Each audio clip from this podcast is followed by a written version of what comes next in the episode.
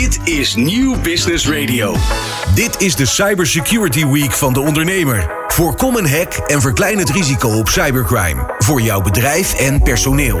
Weet wat de grootste bedreigingen zijn en leer van experts tijdens Cybersecurity Week. Elke werkdag live tussen 12 en 2 op Nieuw Business Radio.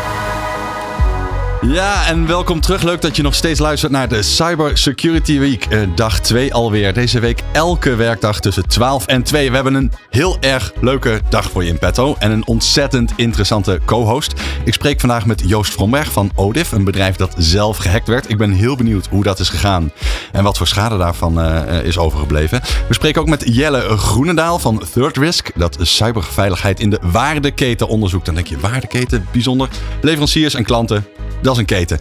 Maar laten we vooral snel beginnen met het voorstellen van mijn co-host van vandaag. Dit is de Cybersecurity Week van de ondernemer. Voorkom een hack en verklein het risico op cybercrime.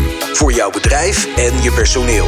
Weet wat de grootste bedreigingen zijn en leer van experts tijdens de Cybersecurity Week. Elke werkdag live tussen 12 en 2 op Nieuw Business Radio met Randal Pelen. Yes, en zoals elke dag heb ik vandaag ook een hele leuke co-host. Dat is vandaag Barend Frans. Hij is accountmanager publiek-private samenwerking bij Politie Nederland. Dat is een hele mond vol, gaan we alles over vertellen. Maar Barend is de persoon die je tegenkomt als je de politie ziet samenwerken met het bedrijfsleven. En dat kan zijn om digitaal boeven te vangen of in bredere zin de boel op internet veiliger te maken. En Barend is ook een sportieve verschijning op social media en deelnemer aan het Nederlands kampioenschap serverwerpen. Hele leuke persoon om hier te hebben. Barend, kun jij misschien voor de mensen samenvatten? Wat doe je nou eigenlijk voor werk? Want het is een hele lange functietitel. je hebt hem zelfs. Hij is eigenlijk nog langer, maar goed, dat maakt niet uit. Uh, nee, uh, wat ik doe is eigenlijk. Ik probeer uh, bedrijven bij elkaar te brengen. Publiek-private bedrijven. Die samen ja, het internet als het ware proberen veiliger te maken. Weerbaarder. Mhm. De, de gebruikers weerbaarder te maken. Eigenlijk gewoon proberen Nederland digitaal veiliger te krijgen. Wat heerlijk. Nou, je zit hier in een mooi politiehesje, dus dat spreekt tot de verbeelding. Bij politie denk ik aan boeven vangen.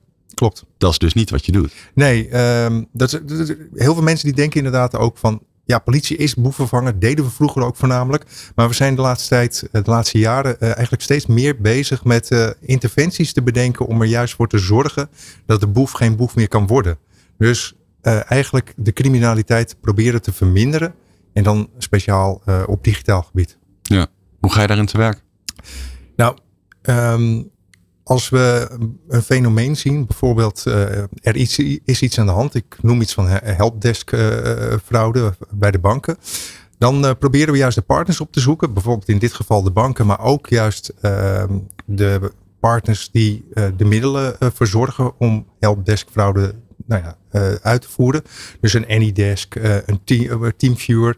Dan ga je met dat soort bedrijven in gesprek om te kijken van wat kunnen we nou gezamenlijk aan doen om die boef, die crimineel, het zo moeilijk mogelijk te maken.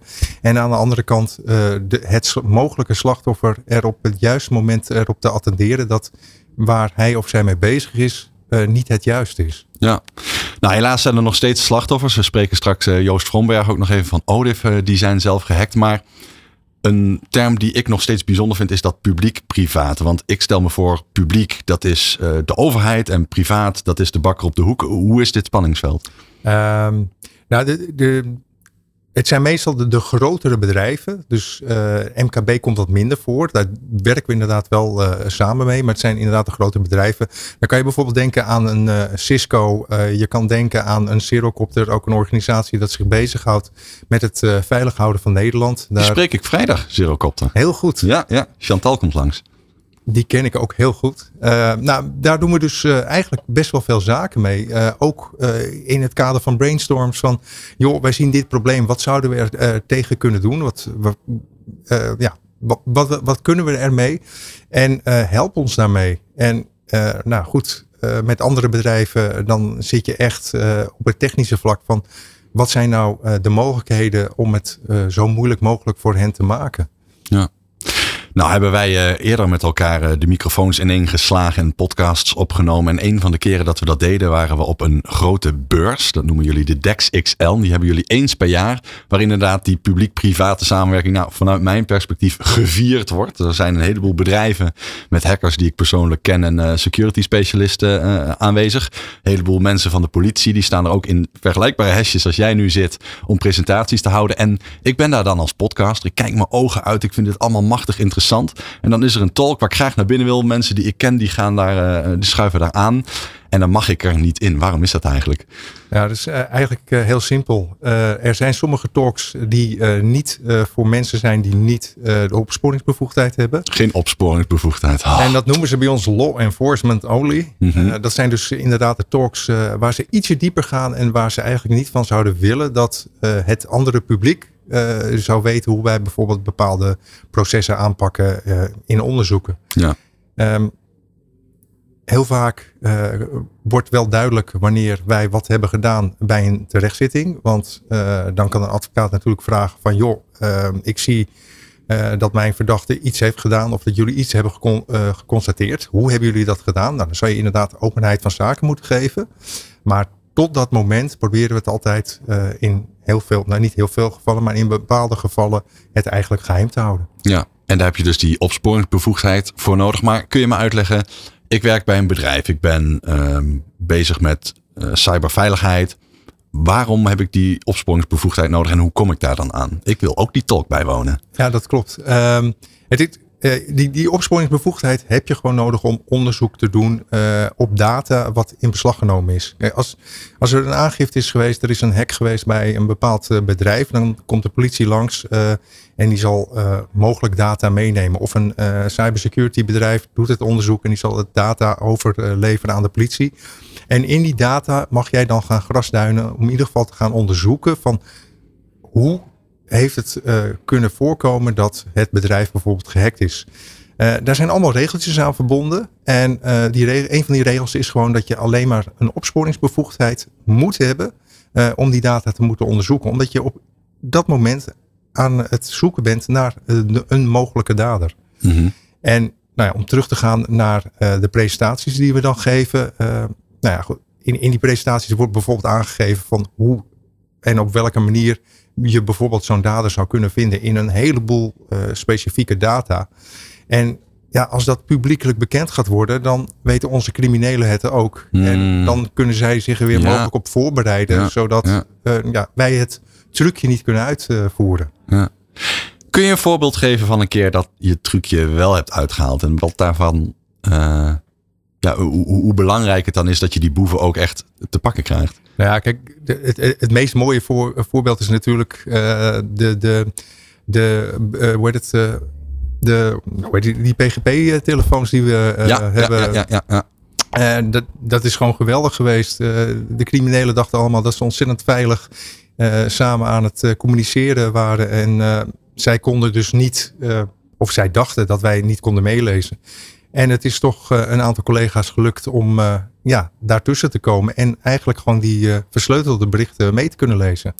Ja, want de politie die had een uh, ja, crypto-telefoondienst eigenlijk ja, offline gehaald, maar ook in kaart weten brengen door de encryptie te omzeilen. Of hoe, hoe is dat ook weer gegaan? Ja, volgens mij uh, hebben ze toegang gekregen tot de server. Ik weet het niet 100% zeker, maar toegang gekregen tot de server.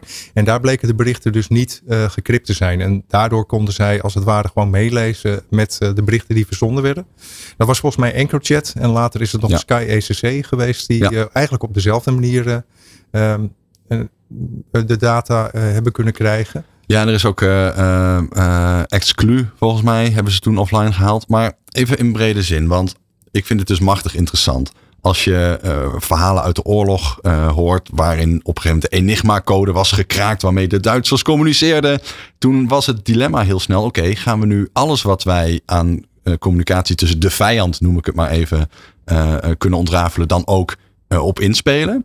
Of houden we ze nog even van de domme, zodat ze niet weten dat we ze doorhebben? En datzelfde dilemma kom je hier natuurlijk ook tegen. Je hebt die uh, cryptofoons waarin criminelen onderling contact hebben met elkaar en zich eigenlijk veilig wanen.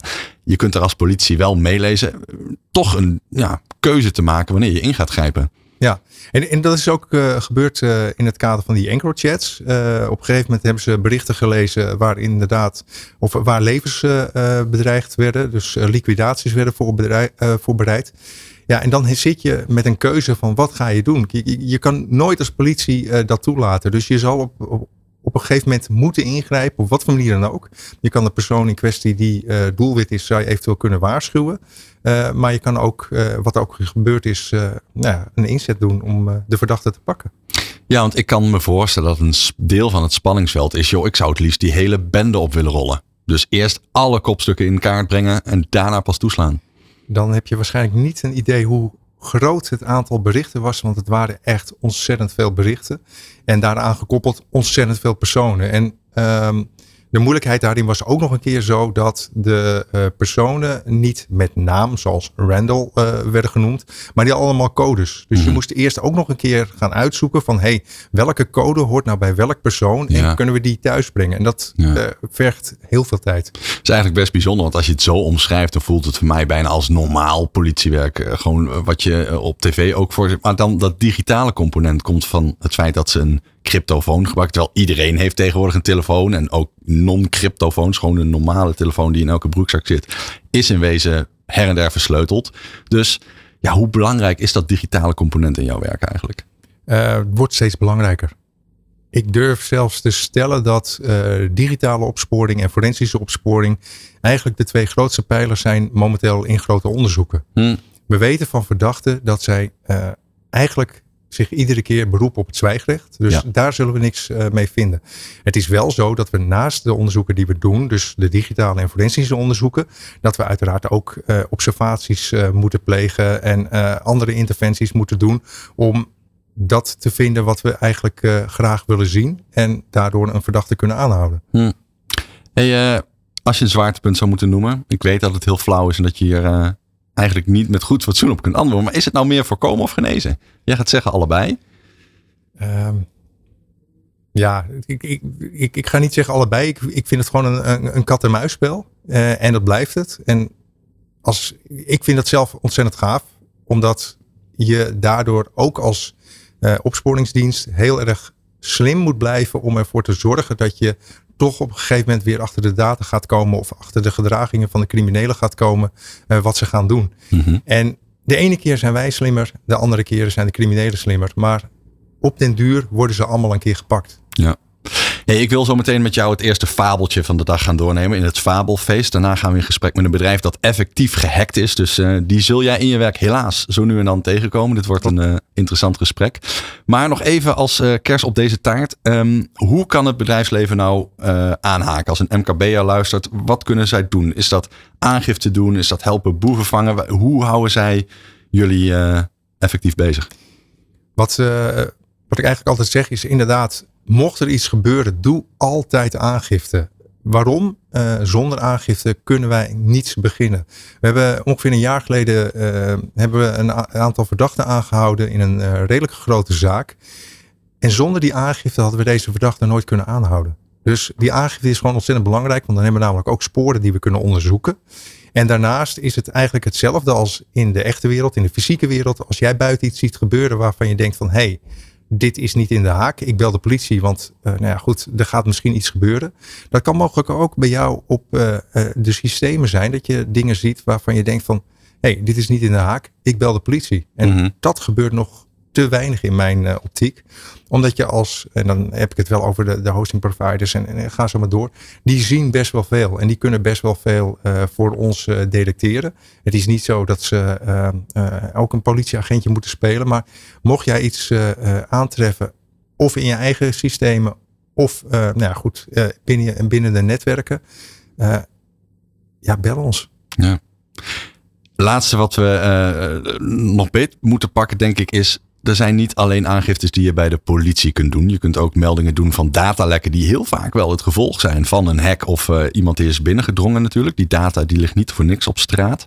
En dan doe je een melding bij de autoriteit persoonsgegevens. Jij en ik korten dat vaak af als AP.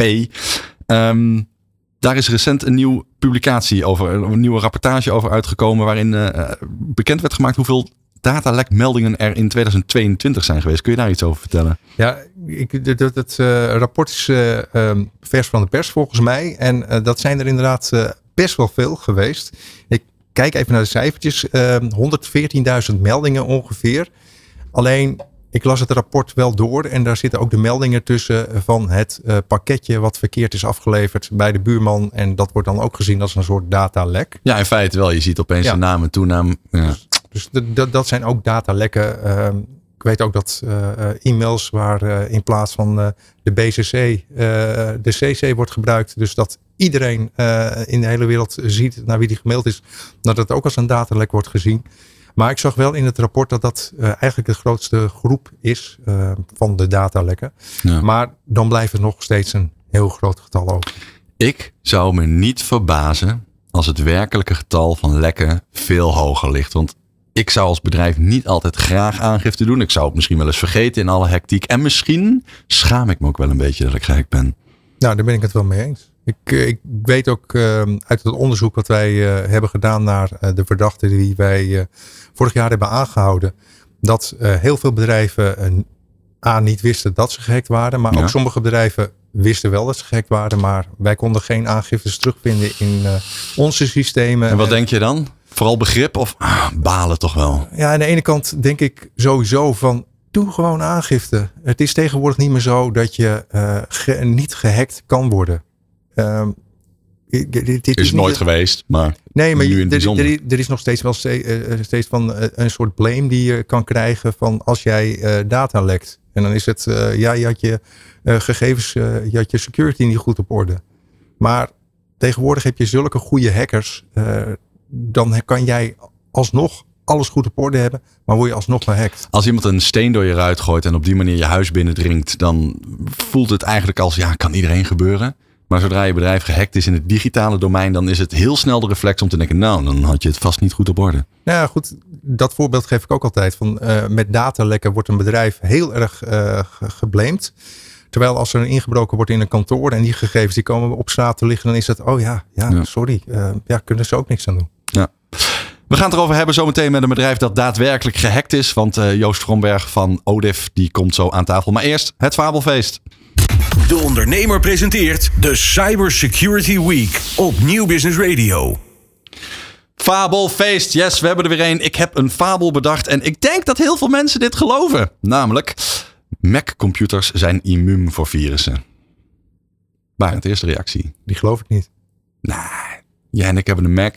Ja, ik heb er geen virusscan op draaien, ik ben hartstikke veilig. Ik wel. Virussen zijn allemaal voor Windows-computers. Dat klopt voor een heel groot gedeelte. En het is ook logisch, want de Windows computers die zijn in vele grotere getalen aanwezig in de wereld. Dus het is ook veel makkelijker om voor een Windows computer een virus te schrijven. Omdat ja, je hebt veel meer kans om in ieder geval iemand te targeten. Hmm. Dus ik voel me ten onrechte veilig. Ik zou, als jij gewoon veilig zou willen internetten, ook voor jouw Mac een uh, virusprogrammaatje uh, gebruiken. Zie jij dit in de dagdagelijkse praktijk ook gebeuren? dit is uh, inderdaad uh, wat je ziet. Heel veel mensen die zeggen van ja, ik heb toch een Mac, ik, uh, mij gebeurt niks. Waar komt dat hardnekkige idee dan toch vandaan? Omdat, nou ja goed, er zijn gewoon minder virussen. En zeker, volgens ik, ik, ik, geloof dat ik al 15 jaar een Apple heb. Mm -hmm. En zeker in het begin was het Apple gebruik nog een stuk minder dan ehm, de, het, het, het Windows gebruik. En volgens mij komt het ook een beetje van toen. Dat ze mhm. toen al zeiden van ja, er zijn geen virussen, er worden geen virussen gemaakt voor, uh, voor uh, MacBook of voor Apple. En dat heb je tegenwoordig wel. Um, ik denk wel dat een Apple, maar dan heb ik het meer over de devices, over de smartphones, mm dat dat ietsje beter in elkaar zit dan een Android uh, besturingssysteem. Ja, en er is ook een ander effect dat ik uh, in het dagelijks leven wel heb gezien. En ik heb net de cijfers er even bij gepakt. Wat heel opvallend is, is kijk, macOS, dus de mensen met een uh, Apple computer, die zijn natuurlijk in de minderheid. Er is maar 20% van de wereld ongeveer dat een Mac gebruikt. Terwijl ja, uh, eh, 70% toch echt aan Windows zit. Dan is het al aantrekkelijker om die grotere groep beter te pakken. Maar er is nog iets interessants aan de hand. En ik weet niet zeker hoe dat precies komt. Maar dat is dat um, Mac-computers over het algemeen veel beter up-to-date zijn. Want als je nu kijkt naar het aantal mensen dat Windows 11 gebruikt, dan uh, ja, schatten ze ongeveer 20%. Dat betekent dat een heel groot deel van de Windows-gebruiker gewoon nog op oudere software draait. Misschien dat dit er iets mee te maken heeft. Toch dat imago. Het, het, is inderdaad bekend dat de Apple-gebruiker heel snel update. Als er dan ook een nieuwe iOS uh, uitkomt, uh, ik geloof dat 80% binnen een week al geüpdate heeft. En bij Windows is het het, het, lijkt allemaal wel wat ietsje meer verborgen in het systeem te zitten. Denk ik dan. Ik gebruik geen Windows, dus ik weet het ook niet helemaal uh, exact. Maar um, je moet meer handelingen verrichten. Terwijl bij mhm. de Mac is het echt zo van hop, hier heb je hem en uh, wil je hem nu installeren. En anders, als het nu niet kan, dan doe ik het vannacht voor je. Ja, en ik, uh, kijk, we kennen allemaal het spanningsveld. En een deel van de manieren waarop je veiliger bent, ja, zijn gewoon gedoe en uh, updaten kost tijd. Ik moet nu aan het werk. Uh, maar ja, een ander interessant aspect is, en ik blijf dat nu herhalen, dat merk ik in dit gesprek toch ook weer terug. Je bent slachtoffer van een misdadiger, een crimineel. het is niet jouw bedoeling geweest om gehackt te zijn. Als jij je updates niet doet, vind ik het te makkelijk om te zeggen, dan verdien je het gehackt te worden. Nee, je, bent, je, verdient nooit om te gehackt te worden. Alleen de kans uh, is groter uh, dat je op een gegeven moment slachtoffer gaat worden. Als jij blijft doorrijden met gladde banden, is de kans groter dat je een keer in de slip raakt. Ja. Dat je ja, uit de bocht vliegt en je auto kapot rijdt. En dat is denk ik hetzelfde met, met welk besturingssysteem dan ook. Je zal in principe altijd moeten updaten. Het is gewoon zo ontzettend belangrijk om dat te doen. En zeker bij Windows gebruikers ook de virusscanners gelijk updaten voordat je iets uh, gaat doen op het internet. Ja. Nou, we gaan het zo meteen hebben over uh, een hack dat daadwerkelijk uh, plaats heeft gevonden. We gaan Joost Vromberg erbij halen, die is Managing Director bij Odif. En dan ben ik benieuwd hoe dat in zijn werk is gegaan. De ondernemer presenteert de Cybersecurity Week. Deze hele week elke werkdag tussen 12 en 2. Live met Randal Pelen op Nieuw Business Radio. Yes, deze tweede dag van de Cybersecurity Week die kabbelt lekker verder. En wij zijn aangekomen bij het gesprek met een daadwerkelijk gehackt bedrijf. En dat vind ik nogal wat. Want uh, voor mij zit Joost Vromberg, Managing Director bij Odif. En Odif is een marketingbureau dat gehackt werd. En dus ja, heel goed kan vertellen hoe het voelt om gehackt te zijn. Maar ook hoe makkelijk dat gaat en wat je kan doen om het te voorkomen. En Joost werd gehackt dankzij een ja, slecht wachtwoordbeleid. We gaan het maar gewoon gelijk toegeven. En uh, ja, dat terwijl uh, ik, dit voorzit lees, hoor ik je wel zuchten. Van ja, Kijk, ik heb mijn wachtwoorden gewoon prima op orde. Dus waarom zit je dit allemaal uit te leggen? En ik geloof het ook heel graag. Maar ja, hebben je collega's dat ook echt allemaal? En ben je dan de enige die kwetsbaar is? Of, nou, we gaan erin duiken. Joost, welkom in de studio. Dank voor je komst. Dankjewel. Ja, waar beginnen we met dit verhaal? Waar, waarom ben je hier zo open over? Ik kan me voorstellen dat een heleboel bedrijven dit liever niet aan de grote klok hangen. Uh, ja, dat denk ik ook. Uh, het was ook wel een stapje dat we moesten maken hoor. Maar het was meer dat we eerst gehackt waren. Toen gezien het feit dat we echt niet wisten waar we mee bezig waren om het op te lossen. Dat we uh, het hebben besloten om het om te zetten in hoe gaan we dit voorkomen? Want we, we liepen zo erg achter de feiten aan. Hoe lang is dit geleden? Uh, drie jaar. Oké. Okay. Ja, tweeënhalf jaar. En, um, en, en, en in die tijd van het oplossen kwamen we er eigenlijk ook achter van oké, okay, we moeten nieuwe spelregels gaan maken. En uh, ja, we wisten van tevoren al van we gaan die spelregels, we gaan nooit een, een, een 10 uit 10 kunnen scoren ooit op veiligheid. Ik bedoel, daar zijn uh, grote bedrijven voor. We zijn, wij blijven ook maar een marketingbureau met z'n achttienen. Um, maar toen kwamen we er ook weer achter dat heel veel van onze klanten en mensen die we spraken, ja, die, die gingen zo laks om, net zo laks als wij met wachtwoorden, dat we dachten, ja, wij zijn niet de enige die er last van hebben. Dus de, uh, en, en, en toen is eigenlijk meer de, de, de mindset gekomen met laten we dan ook mensen gaan educeren en er wel eens gewoon open over praten. Uh, want ja, en wij vinden het ook heel apart. Want als je bijvoorbeeld stelt het wordt ingebroken bij je huis, dan, dan, dan vertel je dat tegen mensen, bespreek je dat en weet ik wat. Maar uh, als het zakelijk is, dan, dan zijn we bang dat we dan als kwetsbaar worden ervaren en dat mensen niet meer met ons samen willen werken. Terwijl wij denken juist van we kunnen nu heel mooi nog werken aan preventie voor, ja. voor klanten en relaties en dat soort dingen. En nu zit je hier. Dankjewel daarvoor. Hey, ik wil graag zo even duiken in uh, het hoe en waarom en hoe die hack ook is geweest. Maar ik hoorde je net al wat zeggen. Op het moment dat er een inbraak is geweest, Barend, dat vraag ik ook even aan jou. Dan is er ook daadwerkelijk slachtofferhulp. Dat is gewoon een fenomeen dat bestaat. Is dat er ook in het digitale domein? In, ja, er wordt nee geschud, maar in principe zou dat wel uh, moeten kunnen. Alleen het is wel zo dat uh, slachtoffer, slachtofferhulp daar nou, moeilijk mee overweg kan. Ja. En is het ook zo dat mensen dat echt minder graag aan de grote klok hangen? Want een inbraak of een uh, bedreiging of wat dan ook, ja, dat spreekt toch meer tot de verbeelding. En dan uh, kun je op een verjaardagsfeestje nog wel een verhaal over vertellen. Maar ik hoor nooit mensen gehackt zijn. Heel weinig. Ja. Wat je nog wel eens hoort is een Facebook-account wat gehackt wordt. En ja, dan is het ook weer duidelijk voor de, iedereen binnen de ja, kenniskring om, om het zo maar te zien. Want dan staan er meestal andere berichten op die er normaal op staan. Maar voor de rest hoor je het inderdaad weinig. Ja. Joost, neem ons terug. Uh, tweeënhalf jaar geleden. Wat is er gebeurd? Uh, we zaten op, uh, op kantoor met z'n toen de tijd achter. Was gewoon een gezellige dag. En het bedrijf nog keer... even verdubbeld in de tussentijd. Gefeliciteerd, ja. lekker bezig. Ja, dank u. En uh, um, toen, toen zei mijn compagnon, die zei in één keer, hey, heeft iemand mijn Facebook-account aangepast? En ja, op zich een normale vraag bij een marketingbureau dat mensen bij elkaar in het Facebook-account kunnen. Um, maar nie, ja, niemand had dat gedaan. En toen in één keer kreeg, we, kreeg hij een mail met uh, dat, we, dat hij uit de business manager van Odif was geknikkerd. Wat is de business manager van nou, Odif? We zijn een marketingbureau. We werken voor verschillende heel veel verschillende bedrijven. En die hebben allemaal een advertentieaccount. En dat advertentieaccount wordt weer gekoppeld aan ons als business manager. Dus wij kunnen dan vanuit onze business manager in heel veel verschillende klanten en daar advertenties in opzetten en draaien en optimaliseren, dat soort dingen. Klinkt als online advertenties. Ja, alles online. Yes.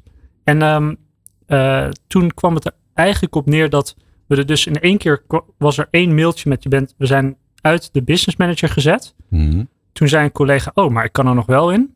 En toen refreshte die en die kwam er ook niet meer in. En toen zaten we allemaal een beetje, oké, er gebeurt nu iets waar we echt geen weet van hebben en waar we geen idee van hebben. En vanaf dat moment begon in één keer de inbox vol te lopen. Um, ons business manager account is, uh, was gekoppeld aan toen de tijd 135 advertentieaccounts. Accounts, oké. Dus dat zijn 135 bedrijven, uh, waaronder vrij gerenommeerde bedrijven. Mm -hmm. uh, en wij vangen in tegenstelling tot heel veel andere marketingbureaus geen marge over media. Dus wij werken niet met onze eigen creditcard, maar we werken met creditcards van onze klanten. Dus er zitten hier 135 creditcards aan gekoppeld. Maar help me even, want zo'n business manager, ik zie dit voor me. Um, je adverteert doorgaans op een Google, op een Facebook, op een Twitter. Tegenwoordig heet dat X.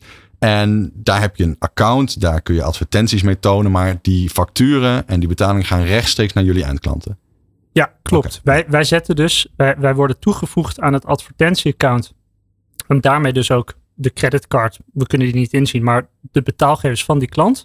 En wij zijn dus gemachtigd om namens die klant uh, campagnes op te zetten. Geld uit te geven eigenlijk. Geld uit te ja. geven inderdaad. En, en daar natuurlijk ook wel iets voor terugleveren. Dus, een belangrijk uh, stukje vertrouwen ligt dan in jouw handen. Yes, correct. En, um, ja, dus de, de, en, en wij op, op, op dat moment waren wij dus niet meer uh, in staat om dus iets te kunnen doen in die advertentieaccounts. maar we kregen nog wel de e-mails binnen. En op dat moment zagen we dus ook dat er iedere drie minuten kwam er een e-mail binnen. Met dat er in een andere account dus een andere creditcard met een ander limiet, uh, weer geld werd uitgegeven op een nieuwe campagne.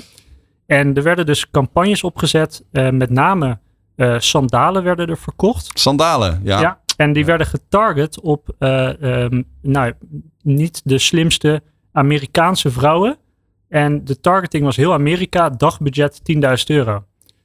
En ja, als je dat dan 135 campagnes kan opzetten en dan, dan kan er heel snel heel veel geld uitgaan. Maar help dus, even, wat, wat hebben die criminelen eraan dat er vrouwen in Amerika re reclame voor sandalen zien? Dan, dan worden ze geleid naar een landingspagina, kopen ze die uh, sandalen en dan worden die natuurlijk nooit geleverd. Ah, heeft het iets met dat hele dropshipment te maken dit? Nee, dat niet. Nee, dit is gewoon een pure op, oplichting. Okay. En um, uh, ja, dus uh, wat het dus eigenlijk was, is we, we hadden geen controle meer over. En uh, we wisten dus dat, uh, dat, dat de, de, hacker op dat moment ja, eigenlijk de volledige vrijheid had om, om creditcards eigenlijk te plunderen. Want daarmee kon hij dus heel veel um, impressies genereren, heel veel mensen daar naartoe laten leiden. En dan is het een numbers game. Dus als we dan gewoon een x aantal mensen daarop klikken en het kopen, en dan levert dat al gauw best wel veel geld op. Ja, wat ik heel interessant vind aan dit verhaal is dat de betalingen die uh, worden gedaan met die creditcard, ja, heel pijnlijk zijn natuurlijk voor die adverteerder. Die heeft gewoon het maximaal budget wat op die creditcard mogelijk is uitgegeven. Nou, kan die daar vast wel een klacht over indienen, maar dat is een heel erg vervelend uh, uh, ja, proces.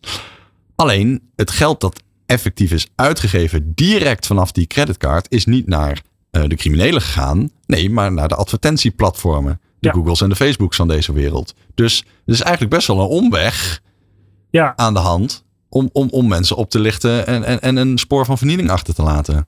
klopt. Ja, ja. Eh, maar je, je gaat nu inderdaad op zich snel. Want er is natuurlijk niet maximaal geld uitgegeven. Wat we namelijk hebben gedaan, is de seconde dat we dit zagen, ge- zijn we in kaart gaan brengen van om welke advertentieaccounts gaat het. Kunnen we ergens ehm, eh, mijn compagnon overal uitgooien nog? Dus hadden we ergens nog toegang tot? Nou, toen waren we al in staat om het aantal van 135 naar zo'n 80, 90 advertentieaccounts die geïnfecteerd waren te, de- te reduceren. En vanaf dat moment hebben we dus ehm, ja, een soort van in de, dagen erna gewoon heel veel gecommuniceerd met die klanten. En verteld van nou, of je moet zelf nu inloggen in, in Meta, in, in, in Facebook. En ehm, ja, dus eh, mijn compagnon eruit gooien, want die is dus gehackt.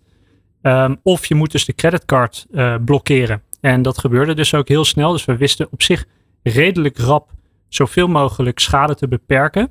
Maar in die tijd is inderdaad 145.000 euro uitgegeven eh, over al die accounts. Eh, dat, dat, en, ehm, en, en daarnaast heeft het ook nog best veel gevolgen. Want ja, al die klanten hebben vaste afschrijvingen vanaf creditcards die in één keer ook geblokkeerd zijn. Dus het heeft ook nog een hoop achter de schermen ook heel veel issues opgeleverd. En ehm, ja, dat, dus het, het was best wel, best wel flink. En, en wat, we, wat wij met name deden was dus gewoon heel veel, eh, dus per klant iedereen individueel spreken, er doorheen praten, kijken wat we konden doen. En als we niks meer konden doen, wat de hacker in heel veel gevallen had gedaan, was gewoon iedereen eruit gegooid, zichzelf super admin gemaakt en eh vriend, althans andere Facebook accounts toegevoegd, zodat hij backup accounts had. En eh, ja, dan was er niks meer aan te doen. Dus dan moesten we wel gewoon de, de creditcards laten blokkeren. Maar dat zijn soms grote bedrijven en die, het- die doen dat liever niet. Het klinkt ook alsof het best wel snel is gegaan allemaal. Dit klinkt als eh, een middag eh, tussendoor die je heel anders voor je had gezien. Ja, dit, dit, dit, dit kwam inderdaad op een, een ochtend. En ja, ik denk dat de, eerste dag wa- waren er gewoon iedere drie minuten mailtjes met nieuwe campagnes. Ja. En dat, dat zwakte langzaamaan af naarmate we, eh, ja, we probeerden in contact te komen met, eh, met Facebook. Nou, dat, eh, dat gaat natuurlijk ook niet zo goed. Ehm, en, Natuurlijk niet. Nee, dit is veel te groot. Die hebben eigenlijk helemaal geen zin in ons. En het gebeurt waarschijnlijk veel te vaak. Dus we werden van het kastje naar de muur gestuurd. Ehm, maar al af en toe deed er een accountmanager of een, een- iemand daar bij Facebook. Die zag dan, hey, heel apart dat een bedrijf continu in Nederland adverteert.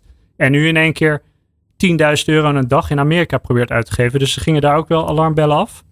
En dan, eh, en, dus soms kwamen we in contact met Facebook, kwamen we weer een paar stapjes vooruit, dan weer een paar stapjes terug. Maar dit heeft inderdaad eh, ja, meerdere dagen geduurd. Dat we gewoon continu campagnes opgestart zagen worden. En op een gegeven moment waren die, eh, die, die campagnes, ehm, ja, wa- was die, werd die langzaamaan uit zoveel mogelijk advertentieaccounts geknikkerd. Of werkte de creditcard niet meer, dus kon die niks meer uitgeven. Hm. Dus, dus, dus zo konden we hem soort van langzaamaan konden we hem stoppen. Maar we konden hem er niet meer uitkrijgen. Want in heel geval eh, zei Facebook, ja, eh, volgens mij zit eh, jouw compagnon, die werkt hier gewoon. Nee, maar hij is gehackt. Ja, maar de, nou, dus, Hij wil dit niet echt doen. Ja, dus we merkten dat ook, het ik- is ik heel snap lastig. die reactie wel. ja, Ehm, ik wil je zo meteen graag vragen hoe die hackers nou eigenlijk zijn binnengekomen en wat je ervan hebt geleerd. Maar ik ben ook wel benieuwd. Barend, je werkt bij de politie. Je hoort hier eh, boeven in actie. Je hebt een eh, plan, eh, ja, eigenlijk, nee, sorry, een, soort van script af horen gaan van, nou, we pakken het zo aan, we, we geven daar geld uit, daar geld uit, elke drie minuten een mailtje. Het klinkt alsof die boeven goed voorbereid waren. Wat doet dit verhaal met jou? Uh, nou, ik, ik, had inderdaad dezelfde gedachte van dit is inderdaad wel heel goed voorbereid. Omdat ze precies weten wat ze gaan doen op het moment dat ze binnen zijn gekomen bij de diverse accounts.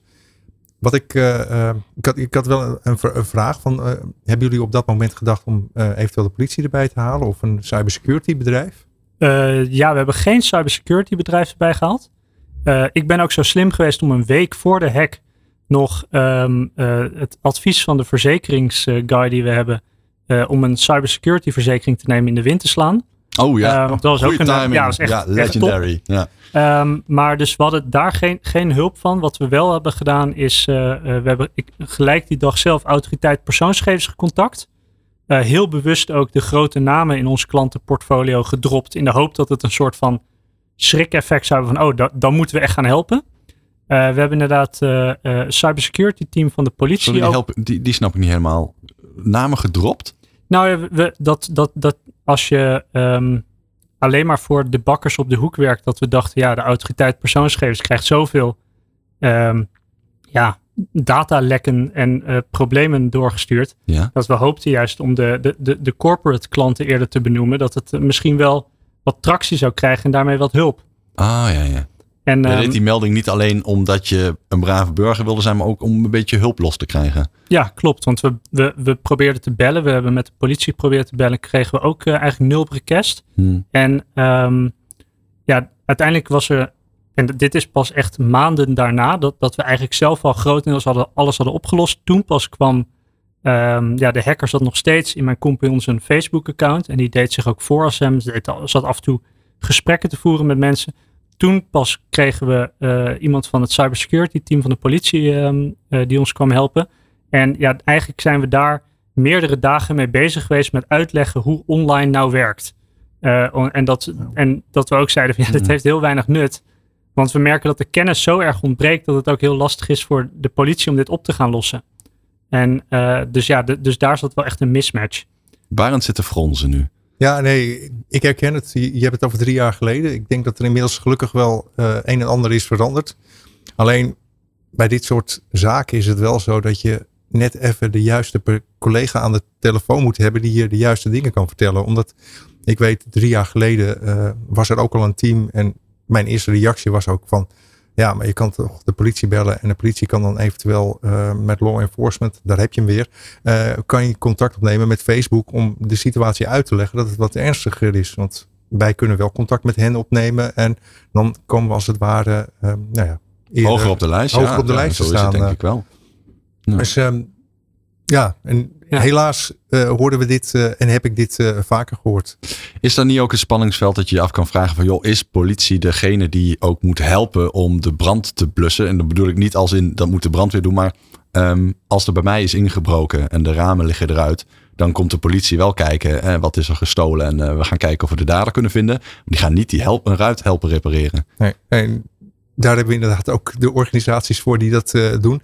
En wat wij ook eigenlijk altijd adviseren is, eh, neem het cybersecurity bedrijf in de arm en laat hen in ieder geval die onderzoeken uitvoeren. Want die weten precies wat ze op dit eh, vlak moeten doen. Wij eh, kunnen dat gewoon niet. Daar hebben we te weinig personeel voor. en ook niet de technische know-how. Een aantal collega's zullen dat hebben.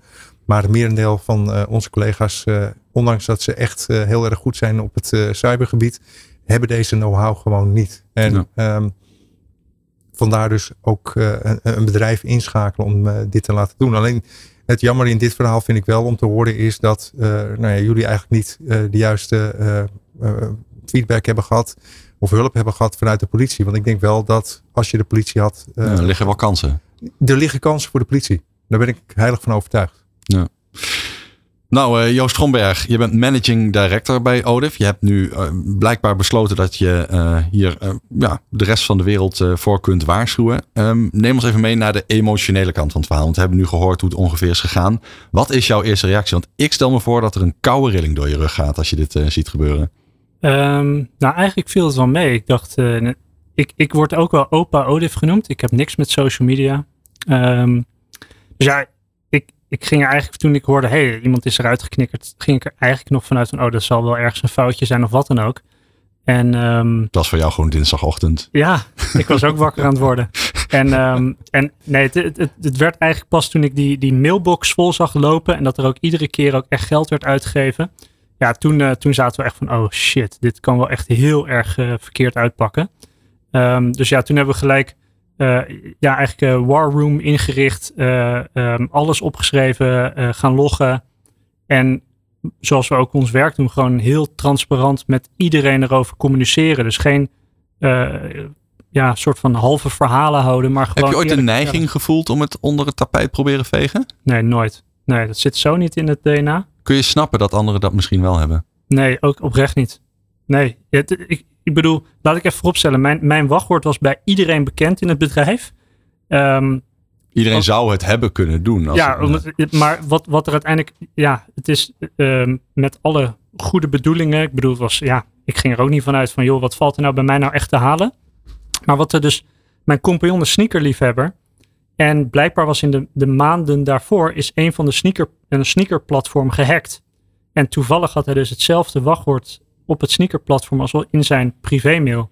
En zo kon iemand dus daarin. En dan merk je dus van, ja, het is, het, ja je bent gewoon eigenlijk uh, inderdaad beroofd. Alleen we hebben het ook wel heel makkelijk gemaakt voor iemand om ons te beroven. Mhm. En uh, ja, daarvan hebben, hebben we wel zoiets van, ja, dat, dan moeten we gewoon eerlijk opbiechten en van daaruit het op, op gaan lossen.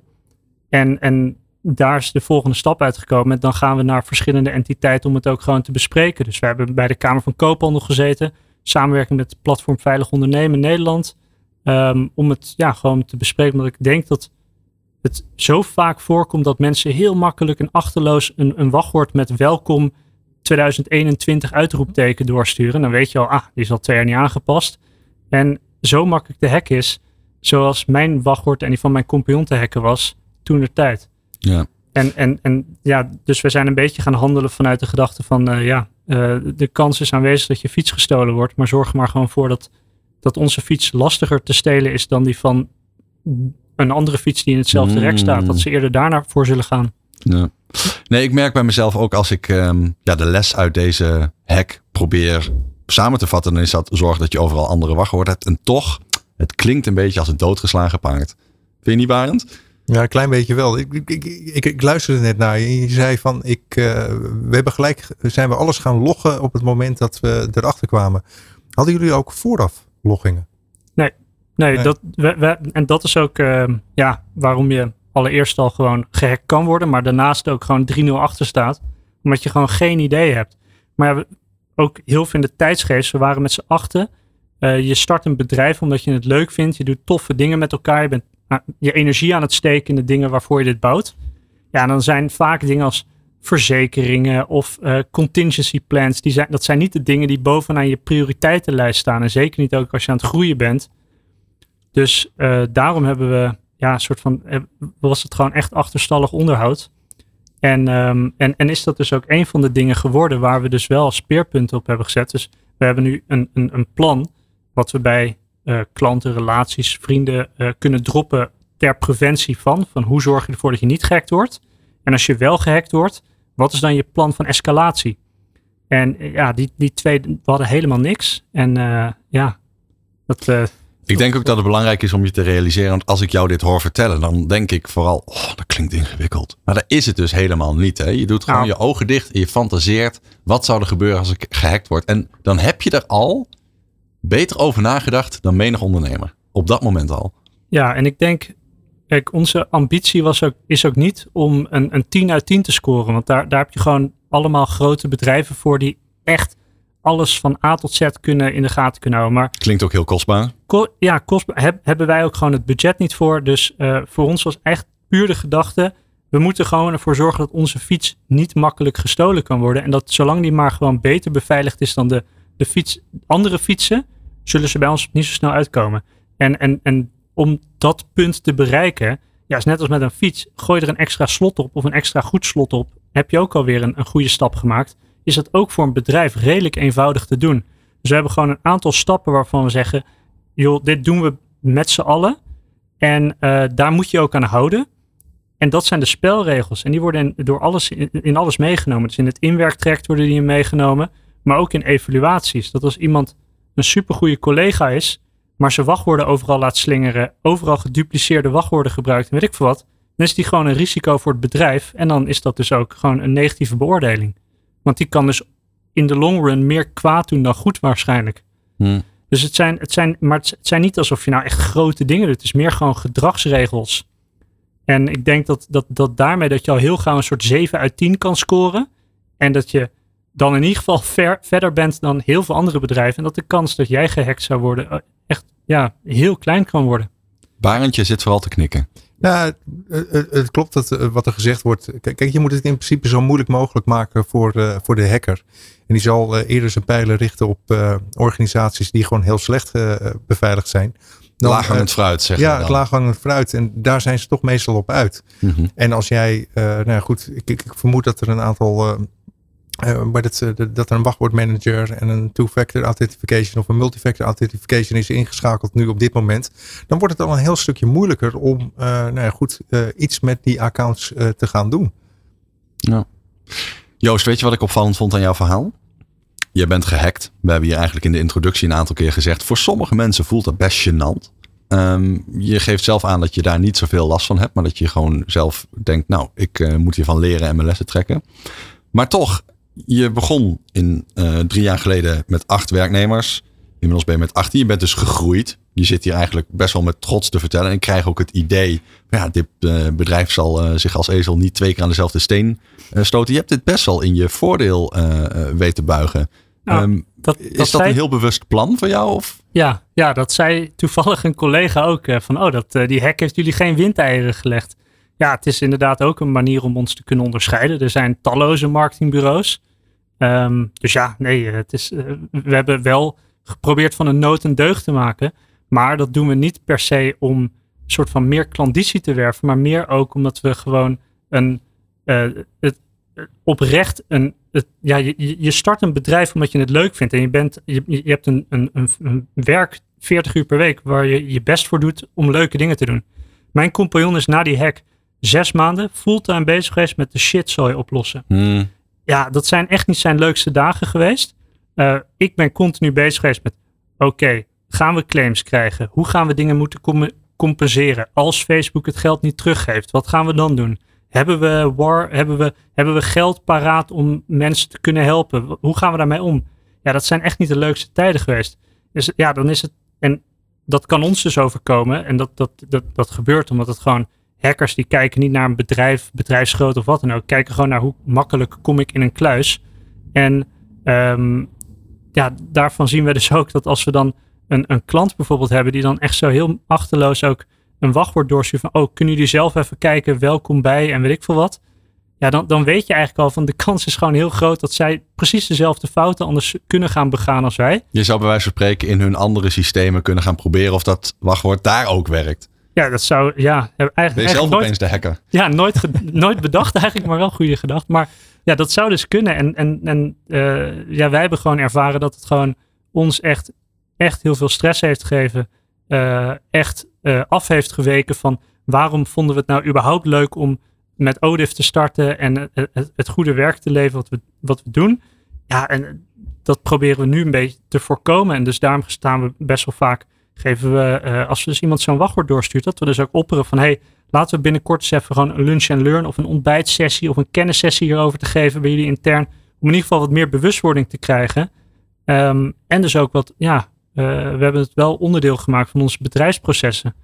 En ik denk dat, ja, eh, en, en dat, dat er dan daarnaast nog wat soort van spin-offs komen, dat we het aan de wereld kunnen vertellen, denk ik, vond was, was meer gewoon een gedachte met dat ik het heel raar vind dat, de, ehm, dat er een beetje, ja, de KVB recentelijk is gehackt bijvoorbeeld. Dan wordt het ook weer zo'n zo'n half verhaal naar buiten ge, ge- Ja, maar iedereen heeft het er wel over. ja, iedereen heeft het over, maar het wordt allemaal half benoemd. En dan denk ik ook van ja, wat, wat, hoe gaat dat dan? Ja, waarom vertellen we niet gewoon het hele verhaal zo? Ja, het is kut en het is niet fijn en het heeft ons een hoop stress opgeleverd. Maar wellicht kan het, eh, kan het dan wat mensen net aanzetten die dan denken, nou weet je wat, ik ga er wel eens even in, in eh, eh, iets mee doen. En ze kunnen altijd eens contact opnemen en dan kunnen we gewoon eens wat stappen door, doorsturen waarmee ze zelf aan de slag kunnen. Want het is redelijk eenvoudig om een 7 uit 10 te worden. We gaan zo meteen eh, praten met eh, Jelle Groenendaal. Hij is Chief Marketing Officer bij Third Risk. En zij helpen eigenlijk de hele keten waaruit jouw eh, bedrijf bestaat. ehm, ja, in, in kaart te brengen en de cyberveiligheid daarvan te vergroten. En we gaan zo meteen ook nog een hackdemo van Anne, Anne-Jan Brouwer kijken. En daarin laat hij zien ja, een van de manieren waarop je tegenwoordig nou, bij bedrijven binnen kunt komen. Maar eh, voordat we zover zijn, ik heb nog wel even een prangende vraag. Want je hebt natuurlijk een boel lessen geleerd. Uh, het heeft ook je blik op cybersecurity, denk ik, flink veranderd. Je hebt al gezegd, ja, eigenlijk had ik net die verzekering wel moeten nemen. Eigenlijk had ik mijn wachtwoordbeleid anders op orde moeten hebben. Maar welke schade is er wel geweest? Is er ooit nog geld teruggekomen? Is mensen die nu luisteren denken, ja shit, uh, ga ik hier wel of niet mee aan de bak? Welke winst was er te behalen geweest? Um, Nou, nou ja, laten we allereerst. De eerste winst die er te behalen was geweest, was gewoon het voorkomen. Was gewoon, um, ja, ik denk dat ik aardig grijs ben geworden in die periode. En mijn compagnon nog minder haar op zijn hoofd heeft gekregen in, in die tijd. Dus uh, dat is gewoon al, denk ik, reden genoeg om überhaupt iets te doen. Uh, ten tweede, ja, we hebben dus uh, door echt heel veel tijd erin te steken, hebben we dus wel ervoor gezorgd dat al, al die 145.000 euro die is uitgegeven, dat die naar terug is gestort. Op echt waar? Ja, dus okay. Facebook heeft dat allemaal netjes teruggestort. Die zei ook een kwestie van tijd. Ja, en echt, echt inderdaad de lange adem. Heel veel mailtjes, heel veel zeuren. En, uh, en inderdaad laten zien van, joh, dit is toch wel een heel raar patroon. Dat we in één keer, uh, hoe dat werkt. Nou, dat gaven ze uiteindelijk zelf ook toe. Je vindt dat ze dat eigenlijk eerder hadden moeten zien? Oh ja, nou, weet ik niet. Het is zo'n groot bedrijf. En wij zijn ook zo'n ja, zo'n zo'n kleine speler. Maar uh, dus uiteindelijk is het netjes opgelost. Het, was alleen, het, het duurde heel lang. Um, we hebben er overigens ook geen, geen klanten aan, aan overgehouden die zijn weggelopen hierdoor. Maar dat heeft vooral te maken met het feit dat wat we hier dus nu ook doen. Gewoon eerlijk het verhaal vertellen met de billen bloot. En uh, ja. Wekt vertrouwen. Los, we, we, zijn ons best aan het doen om het op te lossen. Um, ja, en wat het denk ik nu met doet, is dat we volgens mij gewoon een, een veel stabieler bedrijf hebben. Wat minder makkelijk in één keer van, uh, uh, ja, van een voetstuk kan vallen door, door een mogelijke hack. Hm. Dus ja, die, die dingen tezamen denk dat het ons een, een hoop heeft, heeft uh, gekost. En, en ja, dat hebben we om proberen te zetten en dat het ook ons een hoop brengt. Ja, mooi. Wat, wat, wat, wat, wat, wat zou jouw tip zijn? Dit is echt een kwestie van neem je eigen beleid door. Fantaseer wat er kan gebeuren. En uh, ja, huur desnoods een cybersecurity bedrijf in om een keer een, een audit te doen bij je. Ja, eigenlijk geen, bijna geen van die drie. Ik zou Um, namelijk niet fantaseren over wat er mogelijk kan gebeuren. Want ja, je bedenkt het niet. Je bedenkt niet dat een sneakerplatform in de maanden ervoor gehackt zou zijn. En dat daar weer net een privé mailadres wat net weer gekoppeld is aan Facebook. Nou, al die dingen dat dat zou kunnen gebeuren, had ik nooit bedacht. En als ik het al zou bedenken, zou ik denken, joh, dat staat zo ver van me af. Ja, boeien. Dat, mm -hmm. dat, dat gaat mij niet gebeuren. Wat heel veel mensen natuurlijk hebben. Uh, we hebben ook besloten om niet een een, een cybersecurity bedrijf in te huren. Ik denk dat het voor, ja, als ik, we hebben wat offertes opgevraagd en kosten doorgenomen, maar die nemen het gelijk ook echt volledig door de mangel. Uh, daar zit, dat is gewoon heel kostbaar. En ja, dat heeft een, een kleine ondernemer vaak niet uh, dat, dat geld paraat. En um, dus wat wij eigenlijk, wat, wat ik denk dat ik meer zou adviseren is, is um, ja, wat zou er gebeuren als je in één keer nergens meer toegang tot zou hebben? En um, dat, dat je heel vaak ziet dat hele processen dan vastlopen. En dat, dat, kan zijn in, in de horeca dat er geen pinbetalingen meer mogelijk zijn. Of dat er in één keer hele databases weg zijn. Uh, dat soort dingen, ja, dat, dan, dat, dat zou zomaar eens kunnen. Ja, bijna uh, alles is digitaal. Ja, en, en we zien, en ik denk dat de eerste stap die je neemt is gewoon het gros van de bedrijven, zeker door corona, is in de cloud gaan werken. Dat betekent dus dat je sowieso je cloud zo goed mogelijk moet beschermen. En ja, de eerste stap daarin is, een, is heel eenvoudig. Een password manager.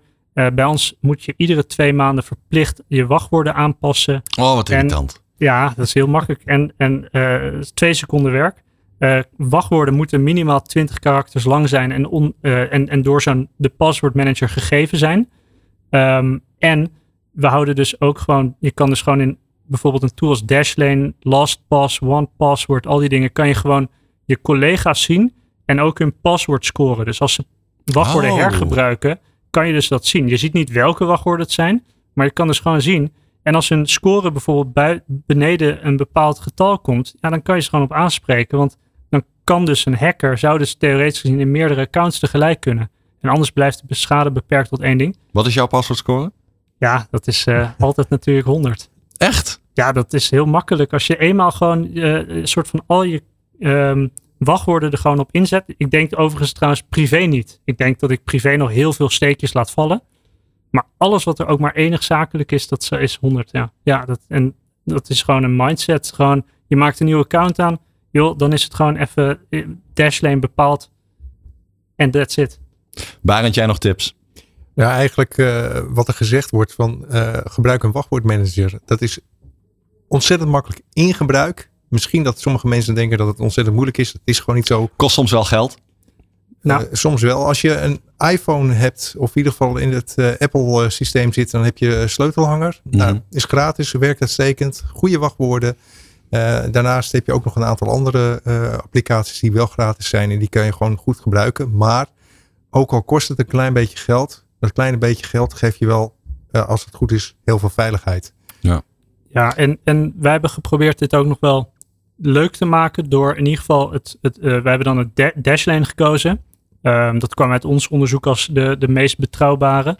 En uh, dat we de, uh, het, het, premium account hebben gekozen, zodat iedere collega kan weer zes familieleden uitnodigen om dit ook te gebruiken. Oh, dat vind ik leuk. Dat dus, is sympathiek.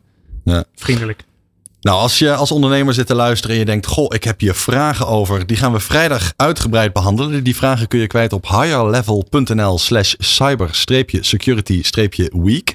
En uh, dan gaan we die uitgebreid doornemen. Je ziet daar ook andere collega's. Dus ga ook gerust met elkaar in gesprek over wat zou ik nou doen als ik gehackt werd? Of hoe uh, heb ik mezelf daarop voorbereid? Dan gaan wij zo meteen eerst uh, kijken naar de eerstvolgende hackdemo van Anne-Jan Brouwer. Dit is de Cybersecurity Week van de ondernemer. Elke werkdag tussen 12 en 2. Voorkom het risico op cybercrime voor jouw bedrijf en personeel. Weet wat de grootste bedreigingen zijn en leer van experts tijdens Cybersecurity Week.